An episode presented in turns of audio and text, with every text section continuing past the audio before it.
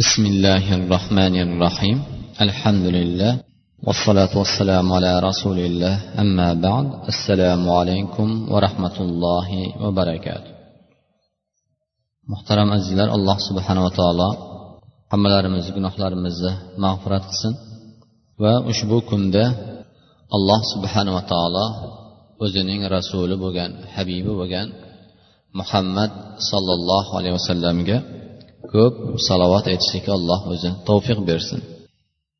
Chunki mo'minlarga sizu bizlarga aniq va ayonki biron bir solih amal bo'lmaydiki albatta bu allohning izni bilan allohning tavfiqi bilan bandasi o'sha amalni qilishlikka muvaffaq bo'ladi. Agar olloh tavfiq bermasa u inson hech qachon bir savob bir solih amal qilishlikka muyassar emas qodir ham bo'lmaydi. Agarchi shu narsani xohlasa ham. Shuning uchun alloh subhanava taolo sizu bizlarni ushbu muborak kunda o'zining uyida jam bo'lishlikka o'zining amridan bo'lgan bir ibodatini farz bo'lgan ibodatini bajarishlikka alloh sizu bizlarga muvaffaq qildimi? Bu albatta alloh subhanava taoloning tavfiqi bu tavfiqda alloh subhana taolo sizu bizlarni davomiy qilsin. Va ushbu kunda azizlar payg'ambarimiz sollallohu alayhi vasallamga ko'p salovat aytishlik fazil va insonni dunyoda hayotlik vaqtida ham u zotni insonning ya'ni hayot top hidoyat topishligiga sabab bo'lgan sababchi bo'lgan zot o'sha muhammad sollallohu alayhi vasallam payg'ambarimiz. Va undan keyin inson nima narsani ko'p zikr qiladigan bo'lsa birodarlar o'sha narsa insonni qalbiga o'rnashib boradi. Shuning uchun azizlar bu yerda o'tirganlar oilani boshlig'i va bu mas'uliyat ayollarimizni farzandlarimizni mas'uliyati mana shu yerda o'tirgan sizu bizlarni bo'ynimizga tushadi.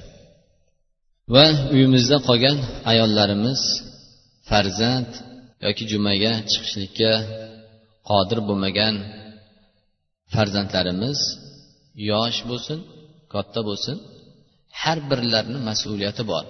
Sizu biz oilani boshlig'i bo'lgan otalarda erkaklarda.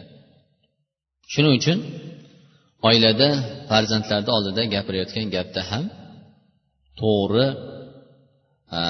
allohning ne'matlarni eslaydigan eslashlik va allohning azamatidan allohning qudratidan allohning rahmatidan gapirib turishimiz kerak birodarlar.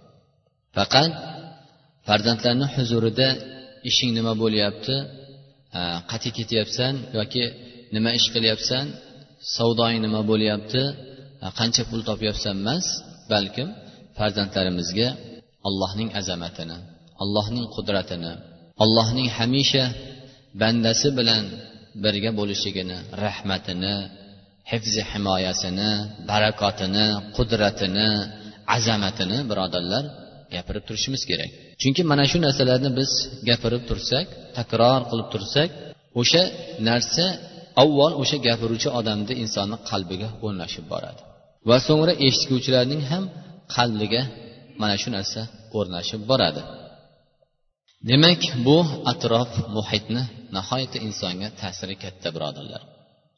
Insonning axloq odabiga yurish turishiga atrof muhit juda ham katta ta'sir.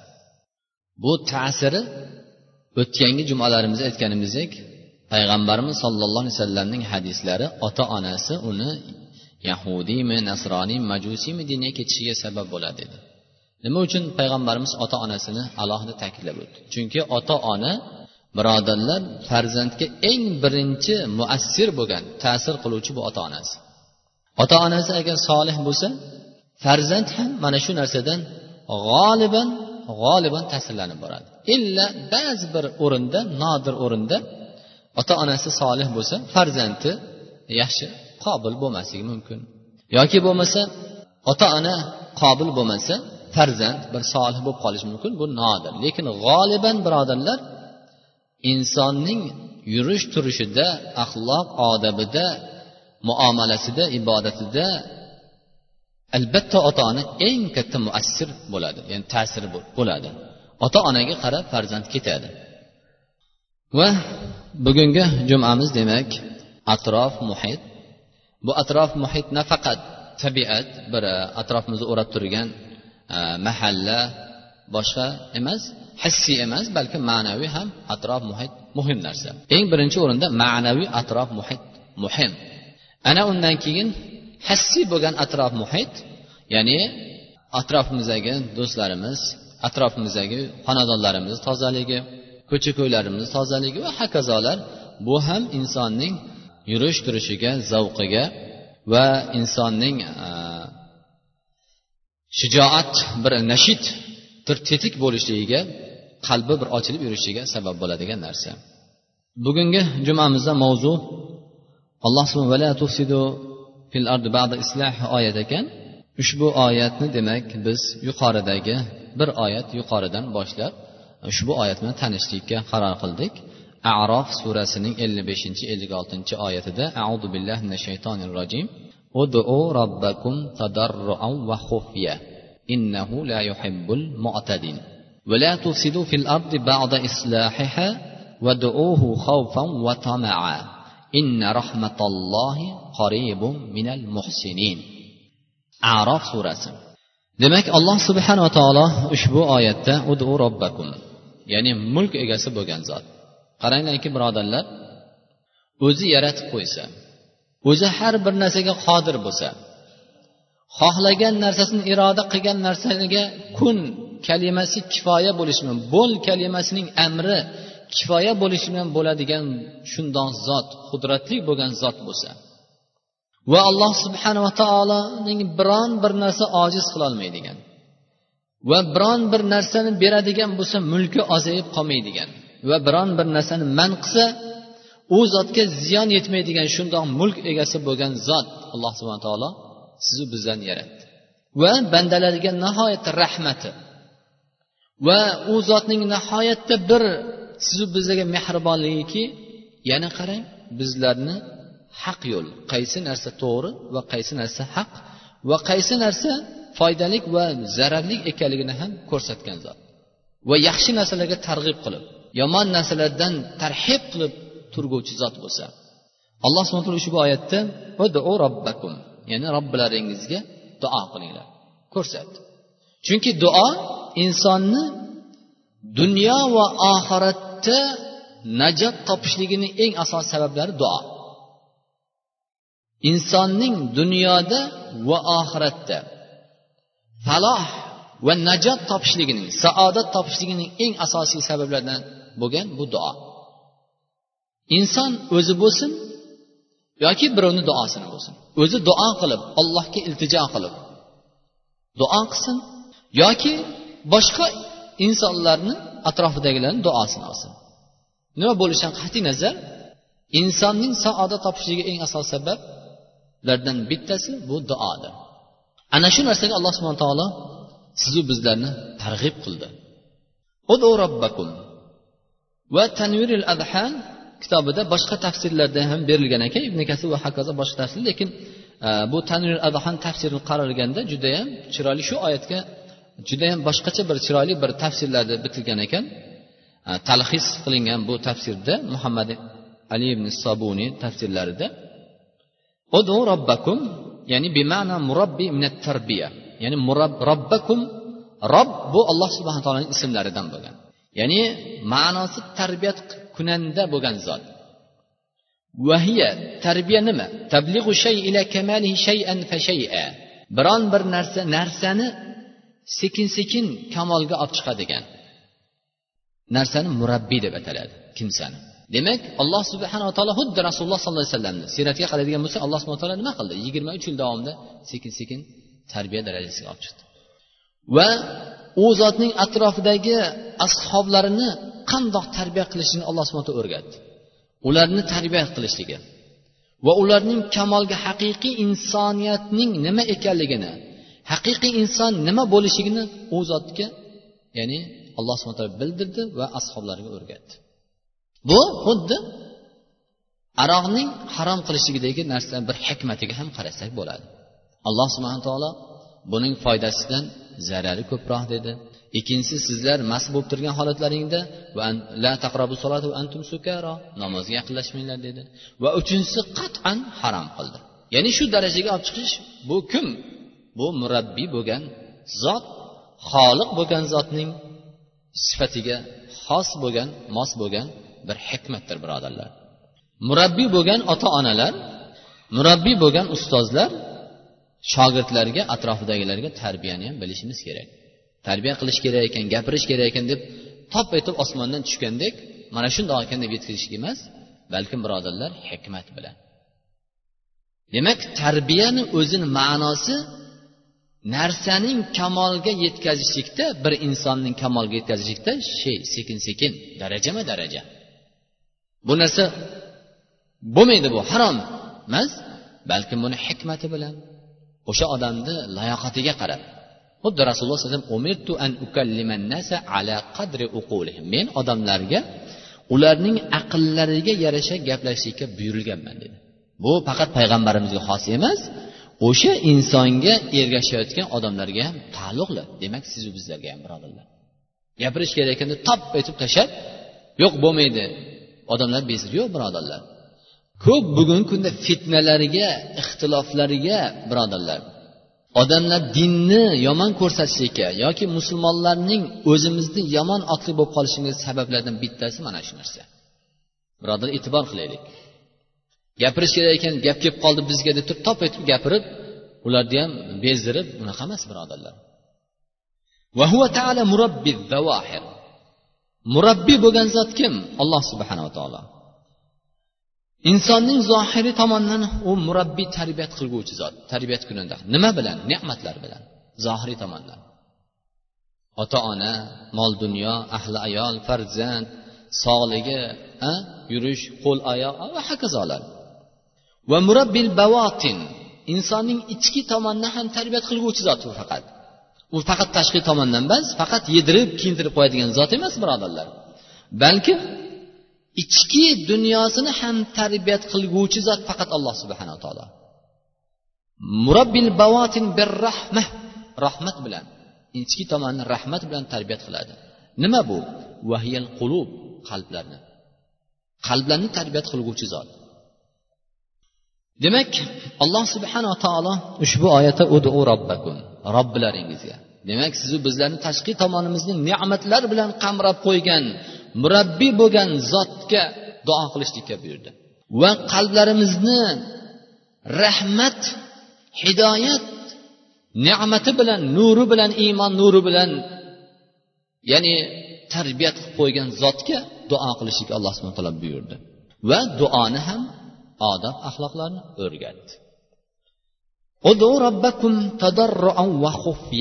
robbilaringizga tadarro ya'ni yolvorgan holatida.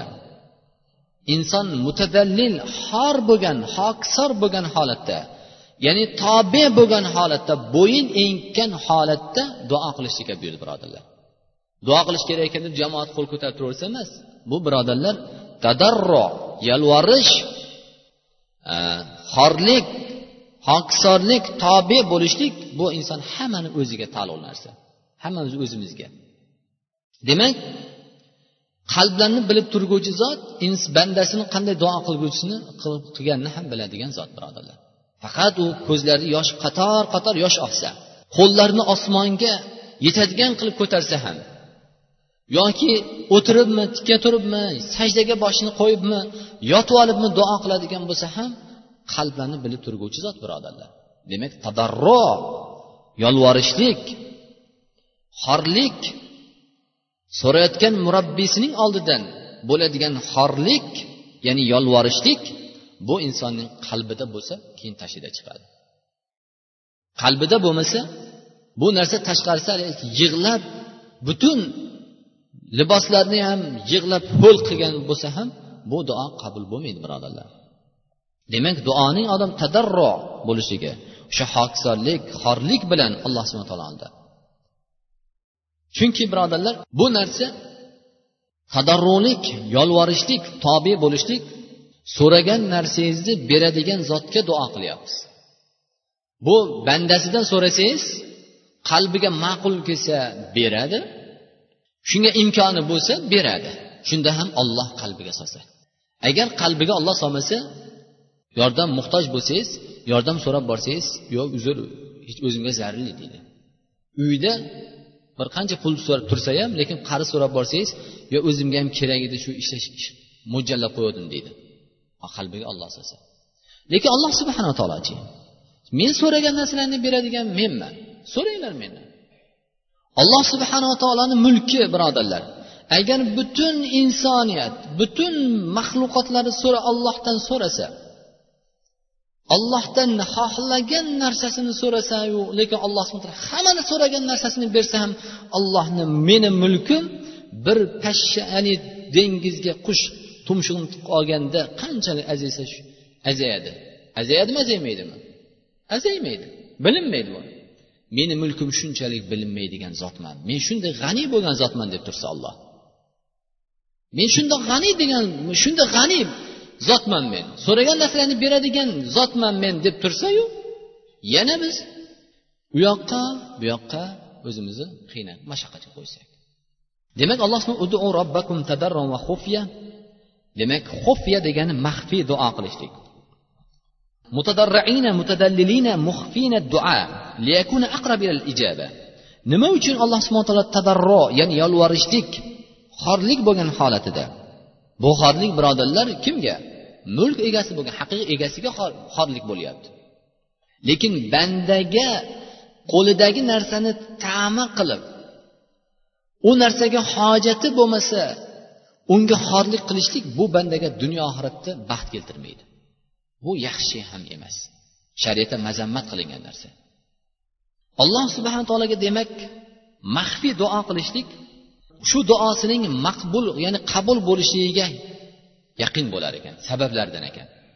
Banda qilayotgan duosida xorlik bilan ya'ni o'zining haqiqiy muhtoj ekanligini allohga robbisiga haqiqatan ham qul ekanligini ko'rsatib duo qilishligi va duoning maxfiy bo'lishligi.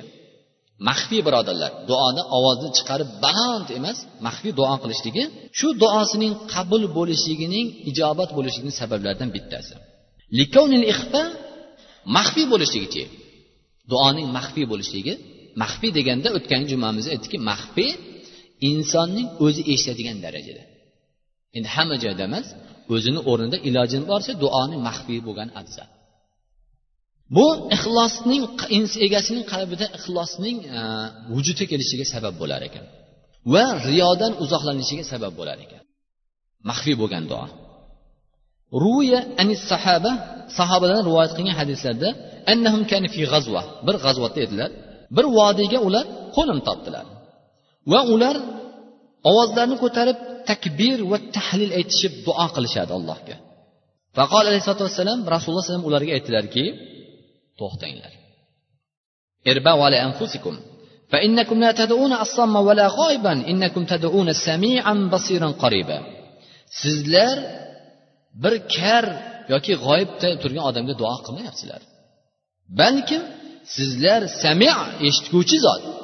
Bu eshitishligi birodarlar inson toshni ichiga kirib yoki yerni tagiga kirib qalbidan o'tkazib so'rasa ham eshitguvchi zotdir. Xuddi yunus alayhissalomni baliq yutib ketganda maloikalar yo rob sovut ovoz maxfiy bo'lgan ovoz lekin tanish bo'lgan ovoz. Deganda bu kim? dedi alloh yunus alayhissalom. Agar u bizga hayoti vaqtida tasbeh aytuvchi bo'lmaganda edi bu baliqni qonida ya'ni oxir oyatni oxirida uni qonida to qiyomatgacha qolib ketgan bo'ladi dedilar. Demak baliqni ichida suvni ichida yurgan baliqni ichida turgan yunus alayhissalomni ham duosini la ilaha illa ant subhanaka inni kuntu minaz zolimin duosini nidosini eshittirguvchi zot birodarlar. Olloh shundoq zot. Bu narsani birodar his qilishimiz kerak. Eshitib juda yaxshi gap bo'ldi emas birodar ollohning azamatini shundoq his qilishimiz kerak va bilishimiz kerak bildirishimiz kerak. Va aytdilarki albatta sizlar eshitguvchi va ko'rib turguvchi zot va sizlarga yaqin bo'lgan sizlarga jon tomirlaringdan ham yaqin bo'lgan zotga sizlar nima duo qilyapsizlar. Ey olloh deb ovozni boricha duo qilishlikni shariatda mazammat qilingan. Ibn jurayd aytgan ekanlarki fi alayh duoda ovozning ko'tarishligi va nido qilishligi chaqirishlik va siyoh baqirishlik duoda makruh degan ekan ulamolar. Va yu'mar val istikana va duoda yolvorishlik va tobe bo'lishlik bo'yin egilishlikka buyurilgan duoda kim ollohdan hojatni so'rayman degan bo'lsa birodarlar duoni oldin odobini bilmaymiz. O'shaning uchun duo qilamiz. Shuncha narsani so'radim hech ishim yurishmayapti bo'lmayapti deyveramiz. Lekin oldin biz duoni odobini duoni sunnatini nima so'rashligini bilmaymiz o'rganmaymiz. Top etib bir narsa bo'ldiyu ollohdan keyin ana duo so'rashga tushib qolamiz. Bir odamni bir narsa so'raydigan bo'lsak maxluqidan oldi unga yalinib hadyalar beramiz. Uzoq odam bo'lsa ham hech bo'lmasa telefonda bo'lsa ham assalomu alaykum yaxshi yuribsizmi deb qo'yamiz ikki kun oldin. Ana undan keyin yana uyga boramiz soatlab kutamiz. Lekin birodarlar mulk egasi bo'lgan. Man senga berdimku endi menga bir yaxshilik qaytargin demaydigan zotdan so'rasak birodar bandasiga qilsangiz ertadan albatta ko'rsangiz bir odam yaxshilik qilsa assalomu alaykum deb salom berishlikka qalbda baribir tashqari salom bermasa lekin qalbimizni oldin o'tganimizda baribir qalbimiz ezilib turadi. Lekin alloh subhana taolo so'ranglar man so'ragan narsalarni beraman deb turgan zotdan so'rashlikka hali sababini qilmaymiz. Demak duoni mana shu makruh bu holatlar ovozni ko'tarishlik va nido baqirishlik va yalvorishlik va tobe bo'lgan holatda duo qilishlikka buyurilganmiz. Abdulloh ibn muborak ibn kasirni e, tafsirlarida ushbu oyat tafsirida. Hasan rahmatulloh alayhi aytgan ekanlarki bir kishi bor. Salaflar shundoq bo'lgan birodarlar. Ular qori ollohning kalomini yod olgan lekin hech kim bilmaydi ularning qoriligini. Ularning hofizil qur'onligini bilmaydi. Ollohni kalomini o'ttiz bora yod olgan birodarlar. Bir odam bor faqih dinda dinning hikmatini fiqhini bilgan zot fahm qilgan zot. Birodarlar fahm qilgan zot. Lekin uni odamlar bilmaydi. Nima uchun? Maxfiy. Va bir odam borki salaflarni o'zlarini xos siyratlarini lekin kamtarlik birodarlar ularni shu darajaga olib chiqadi. Lekin odam borki uyda ziyoratchilari bor mehmonlari bor. Lekin kechasi turib qiyomillayilda o'qib chiqadi kechasi uxlamasdan lekin yonidagi mehmonlari uydagi mehmonlar bilmaydi. Shu qadar salaflar maxfiy qilgan birodarlar. Va bir odam duo qiladi. Robbisi bilan o'zini o'rtasida duosini hojatlarini so'raydi lekin hams bilan shivirlab lekin yonidagi odam eshitmaydi. Va undan keyin alloh subhanava taolo maryam surasida solih bo'lgan bandalarni alloh subhana taolo zikr qildi. Solih bo'lgan bandalardan zakariya alayhissalomni olloh zikr qildiki addan iznada u robbisiga maxfiy holatda nido qilib duo qiladi demak olloh ushbu oyatda ataylab bu solih bandasini zikr qildiki demak shu qilayotgan duosining maxfiyligidan rozi bo'ldi alloh subhana taolo. Va umar roziyallohu anhu aytgan ekanlarki kana rasululloh sallallohu alayhi vasallam agar rasululloh sollallohu alayhi vasallam agar agar qo'llarini duoda ko'tarsalar qo'llarini qaytarmas ekanlarki toki yuzlariga surtmagungacha. Duo qilganda qo'llarini ko'tarsalar qo'llarini bunday qilib ketmas ekan. Ba'zi birlar qo'lni ko'taradida keyin bunday yo'q birodar qo'lini ko'taradigan bo'lsalar keyin yuzlariga qaytarmaslarki qo'llarini toki yuzlariga surtmagungacha. Bu narsa qilgan amallar minal barakatil foyda ala yadi ilal vajh ya'ni qo'llarga ollohga robbisiga ko'tarib turganda allohning rahmati barakotidan shu duoning barakati qo'lga tushgan barakotidan shu yuzlarini ham nasibador bo'lishligidan sababidan qaytarmas ekanlarki toki yuzlariga surtmaguncha va sunna duo qilguvchiga sunnat bir hojati bo'lsa duo qilayotgan bo'lsa allohga ya'ni qo'llarni osmonga qarab ko'tarish kerak. Bundoq qilib emas yoki bo'lmasa bir xillar bunday pastga bunday qo'yib oladida keyin yo'q unaqa emas birodarlar. Ko'krak barobarida ya'ni kafa ilassama qo'llarini ko'krak barobarida kaftlarini osmonga qaratib turishligi. Sunnat duo qilguvchining sunnati. Makruh boshiga musibat tushgan bo'lsa yuzlarning hatto vajha yuzining barobarida ko'tarsin dedilar. Yuzining barobarida ko'tarishlik. Agar bo'lmasa oddiy hojatini so'raydigan bo'lsa ko'krak barobarida agar bir odam duoibat qiladigan bo'lsa aksi qo'l mundoq bo'ladi duoibat qiladigan bo'lsa. Duo qilib hojatini o'zi so'rasa hojatini hojat so'rasa qo'li ko'krak barobarda osmonga qarang. Agar boshiga musibat tushgan g'am kelsa qo'llari nima? Yuzi barobarida va agar inson duoibat qiladigan bo'lsa qo'li pastga qaratib duo qilishligi va sunnat va duo qilayotgan vaqtlarida qo'lini yengidan chiqarishligi. Qo'lni o'zi yengi uzun bo'lsa nima emas? Yengidan chiqarib qo'lni kaftni chiqarib duo qilishliklar ya'ni mustahab demak duo qilayotgan vaqtida o'sha ko'kragining barobarida ko'tarib turishlik degan ekanlar.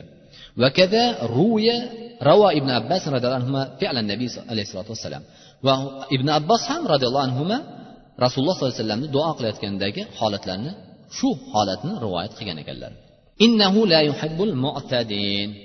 البت الله سبحانه وتعالى معتدين لنا يحشكون ميتين زادة معتدين ما مجاوزين. دعاء حددن أشادين آدم دعاء حددن أشادين آدم معتدين الله بنا يحشكون ميتين alloh subhana taolo ushbu oyatda sizu bizlarga bandalarga tanbeh berdi. Duo qilayotgan odamki duoda haddidan oshmaslikka ya'ni loyiq bo'lmagan narsani so'rashligi ham birodarlar odobsizlik hisoblanadi. Misoli payg'ambarlarning darajasini so'rashlik yoki osmonda uchib yurishlik ya'ni loyiq bo'lmagan narsani so'rashlik ham birodarlar bu had duodan haddidan oshishlik bo'ladi. Payg'ambarimiz sallallohu alayhi vasallamdan hadis fi duo shundoq qavm bo'ladiki ular duoda haddidan oshadigan bo'ladi. Duo qiladigan bo'lsa bir odamni ba'zi bilan duo qiladi eshagi ham qolmaydi biti ham qolmaydi boshqasi ham qolmaydi birodar. Yo'q duoda sunnatga muvofiq so'rash kerak. Bir odam duo qiladigan bo'lsa tuproq olsang oltin bo'lsin. Tuproq olsa oltin bo'ladimi? Yo'q birodarlar. Alloh subhana taolo bergan rizqingni senga barakotli qilib bersin. Xuddi rasululloh alayhi umar anas ibn malik roziyallohu anhuga duo qildi sahobaga. Allohimma akfir malahu va valadahu va barik lahuma parvardigori anasning umrini uzun qilgin. Molini ko'p qilgin boshqa rivoyatda umrini degan. Molini ko'p qilgin va ser farzand qilgin va unga baraka bergin deb duo qildilar. Va ushbu duolarning barakatidan umar anas roziyallohu anhuni yoshlari yuzdan o'tib ketdi. Mol dunyosining hisobi bo'lmagan ekan hisobi bo'lmagan ekan. Va farzandlari ham serfarzand bo'lgan va yoshlari hali aytganimizdek alloh shunga baraka berdi. Shundan duo qilishimiz kerak. Tuproq bo'lsang oltin bo'lsin boyishing to'ydan chiqmasin yo'q birodarlar duoni ham o'rganishimiz kerak. Keyin so'raymiz mana bunaqa duo qilib turib hech duo qilsam ham duoyim qabul bo'lmayapti deb keyin yuraveramiz. Bir bandasi ota onasigami farzandigami ayoligami erigami duo qilyapman hech o'ng'almayapti deb keyin o'zimizga o'zimiz yana ollohdan xafa bo'lamiz. Bermayapti men so'ragan narsani? deb qo'yamiz. Unaqa emas bir oldin bilishimiz kerak odobini. Ahmad ibn hambal rivoyat qilgan musnatlarida mavla ali sadin sad roziyallohu mavlolaridan ya'ni qullardan bo'lgan sad roziyallohu anhuning bir e, o'g'illari duo qilayotgan ekanlar. Allohimma inni asalukal janna. Parvardigorim men sendan jannat so'rayman va uning ne'matlarini va istabraqa ularning isroqlarini so'rayman deb duo qilgan ekanlar. Va hokazo shunga o'xshash. Va men sendan jahannamdan panoh so'rayman va jahannamning zanjir kishanlaridan va uni olovlaridan sendan panoh so'rayman deb duo qilayotgan ekanlar. Shunda aytgan ekanlarki lekin sen alloh subhana taolodan ko'p narsa ko'p yaxshi narsani so'rading va allohdan ko'p yomon narsadan panoh so'rading. Ya'ni haddingdan oshib ketding degan ekanlar duoda haddingdan oshib ketding. Men rasululloh sollallohu alayhi vasallamdan eshitdimki u zot aytdilarki shunaqa qavm keladiki albatta ular duoda haddidan oshadigan bo'lib qoladi. Va robbakum va shu oyat o'qing. Va inna bihasbik. Senga aytishliging shu narsa kifoya bo'ladi. Alloh minni asalukal janna parvardigor rasululloh sollallohu alayhi vasallamdan kelgan sunnat. Men sendan jannat so'rayman. va jannatga yaqin qiladigan so'z va amalni so'rayman.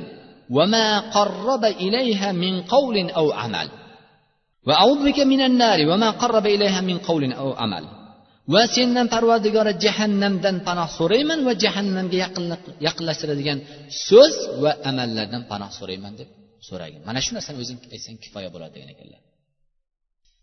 Demak alloh va sizlar yer yuzida endi bil kufr kufr bilan gunoh bilan isloh bo'lgandan keyin fasod qilmanglar. Alloh subhana taolo yer yuzini nima bilan isloh qildi? Payg'ambarlarni yubordi. Olloh o'zini kitobini tushirdi. Olloh isloh qildi. Chunki o'tgangi nimamizda ayollarning bundan oldingi o'tgan islomdan oldingi o'tgan johiliyat vaqtidagi tahqirlanishlik xorliklar misol arablardagi johiliyatdagi tirik turgan qizlarni ko'mishlikka tirik turgan odamni tasavvur qilinglar tirik otajon deb turgan qizini o'zining farzandini birovni emas birodarlar asrab olgani emas. O'zidan dunyoga kelgan farzandini ko'mib tashlaydigan holatda edi. Nima isloh qildi buni? Nima qutqardi bu jaholatdan bu zulmdan? Islom qutqardi. Demak islohdan keyin endi sizlar yer yuzida fasod qilmanglar. Chunki inson bir narsa isloh bo'lgandan keyin tuzalgandan keyin o'sha narsani buzilishligi insoniyat uchun tarix uchun bundan katta zarar bo'lmas ekan birodarlar. Farzandingizni isloh qildingiz tarbiya qildingiz chiroyli qilib. Lekin farzandingiz isloh solih bo'lgandan keyin endi fasodga ketadigan bo'lsa birodarlar bundan katta zarar bo'lmaydi insonga. Olloh saqlasin shuning uchun hammalarimizni shuning uchun birodarlar husnul xotima davomi ne'matda davomiy bo'lishligi va bu ne'matda sobit qilishligi va shunda o'ldirishligini ham so'rashimiz kerak birodarlar. Olloh bir odamni tasavvur qilinglar ibodatga namoz o'qiyapti. Lekin bu odam gunoh ish qilmadi halol yaxshi savobli xayrli yaxshi amallarni qilyapti o'ziga ham odamlarga ham qo'ni qo'shnisiga ham dinga ham yurtga ham. Lekin undan keyin endi fasodga uchrasati shu odam bundan katta zarar bo'lmas ekan.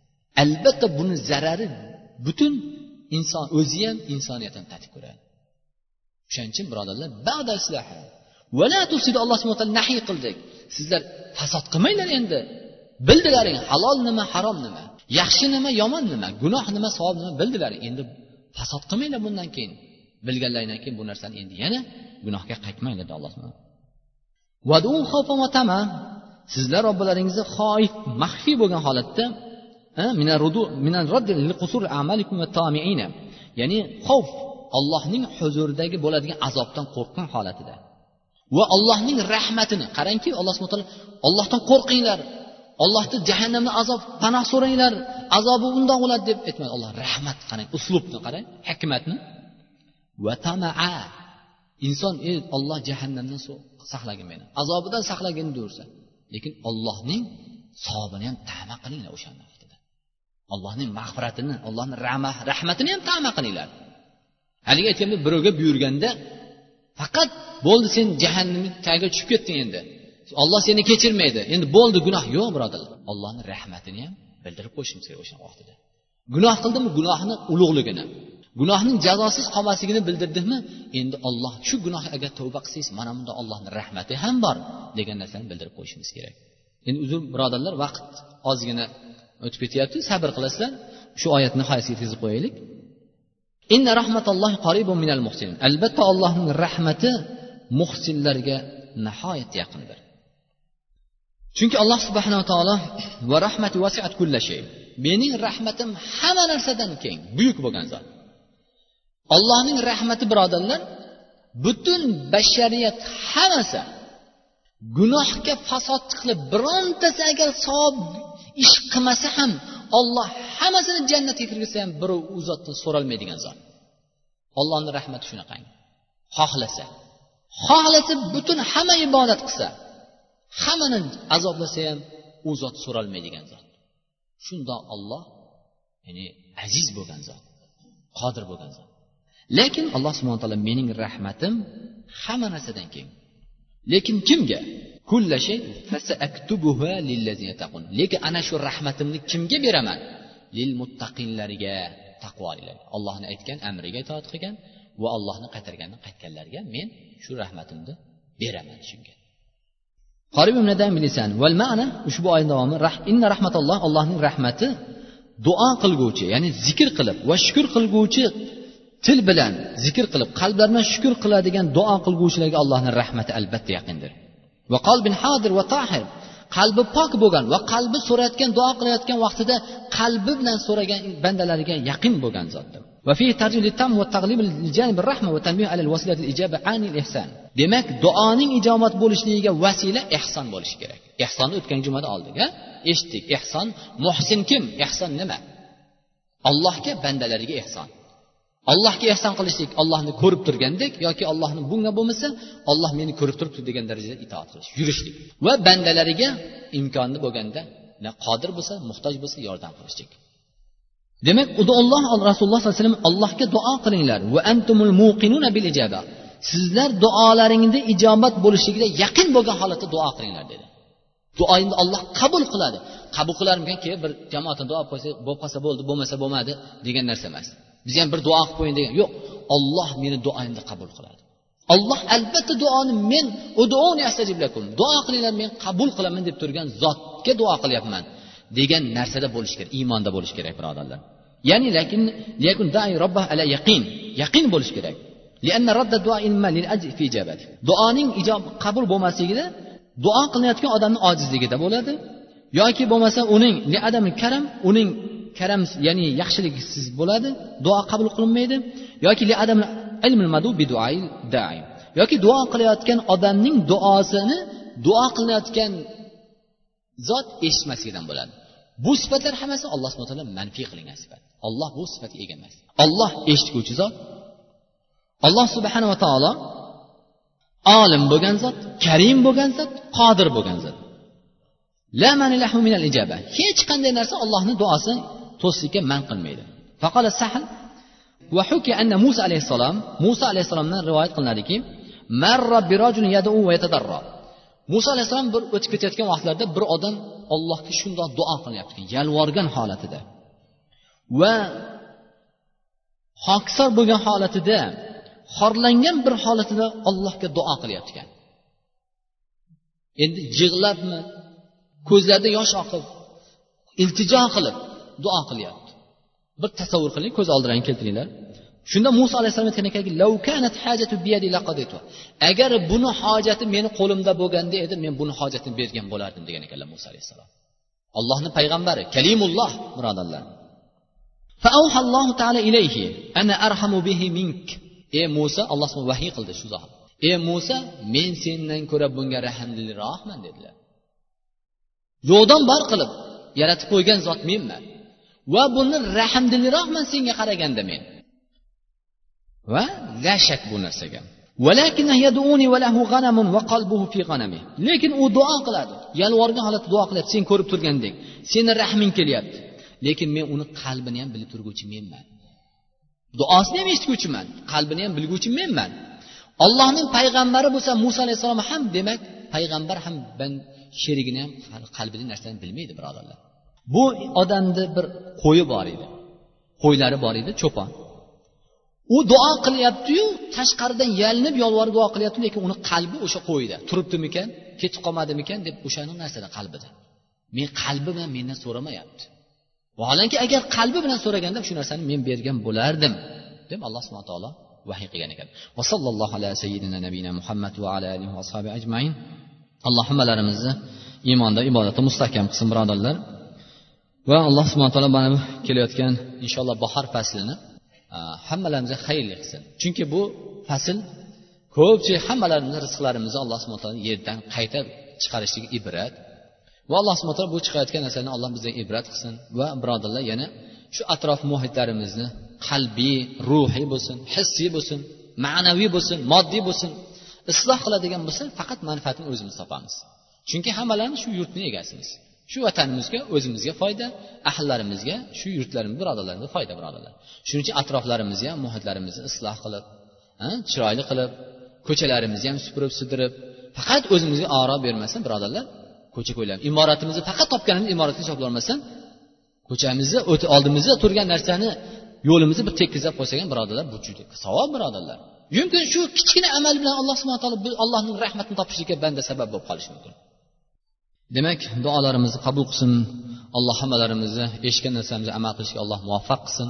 Va duolarimizni alloh xayrlik narsadan so'rashlikka o'zining rasulini sunnatiga muvofiq so'rashga alloh bizlarga tavfiq bersin. Va jahannam va jahannam azoblaridan va jahannamga olib boradigan so'z amallardan alloh bizlarni saqlasin.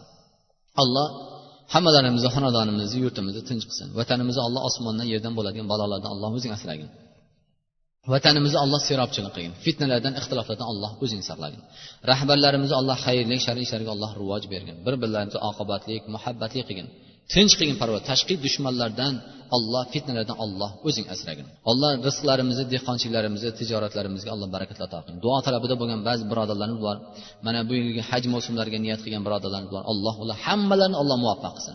O'zi ularning olloh sarf qiladigan moddiy xarajatlarni alloh o'zi g'oyibidan yetkazsin va qorilarimiz alloh ilm talabida sabr bersin ularga zehrlarini ochsin ilmlarini va duo talabida bo'lgan bemorlarimiz bor alloh shifo bersin hammalariga ham bizlarga ham qalbiy jismiy shifo bergin parvardigora ota onalarimiz alloh gunohlarini mag'firat qilgin va farzandlarimizni ahli ayollarimizni alloh diningda sobit qilgin va bizlarni tillarimizni qalblarimizni sodiq qilgin parvardigora va sallallohu alayhi vasallam muhammad bi rahmatika ya rahman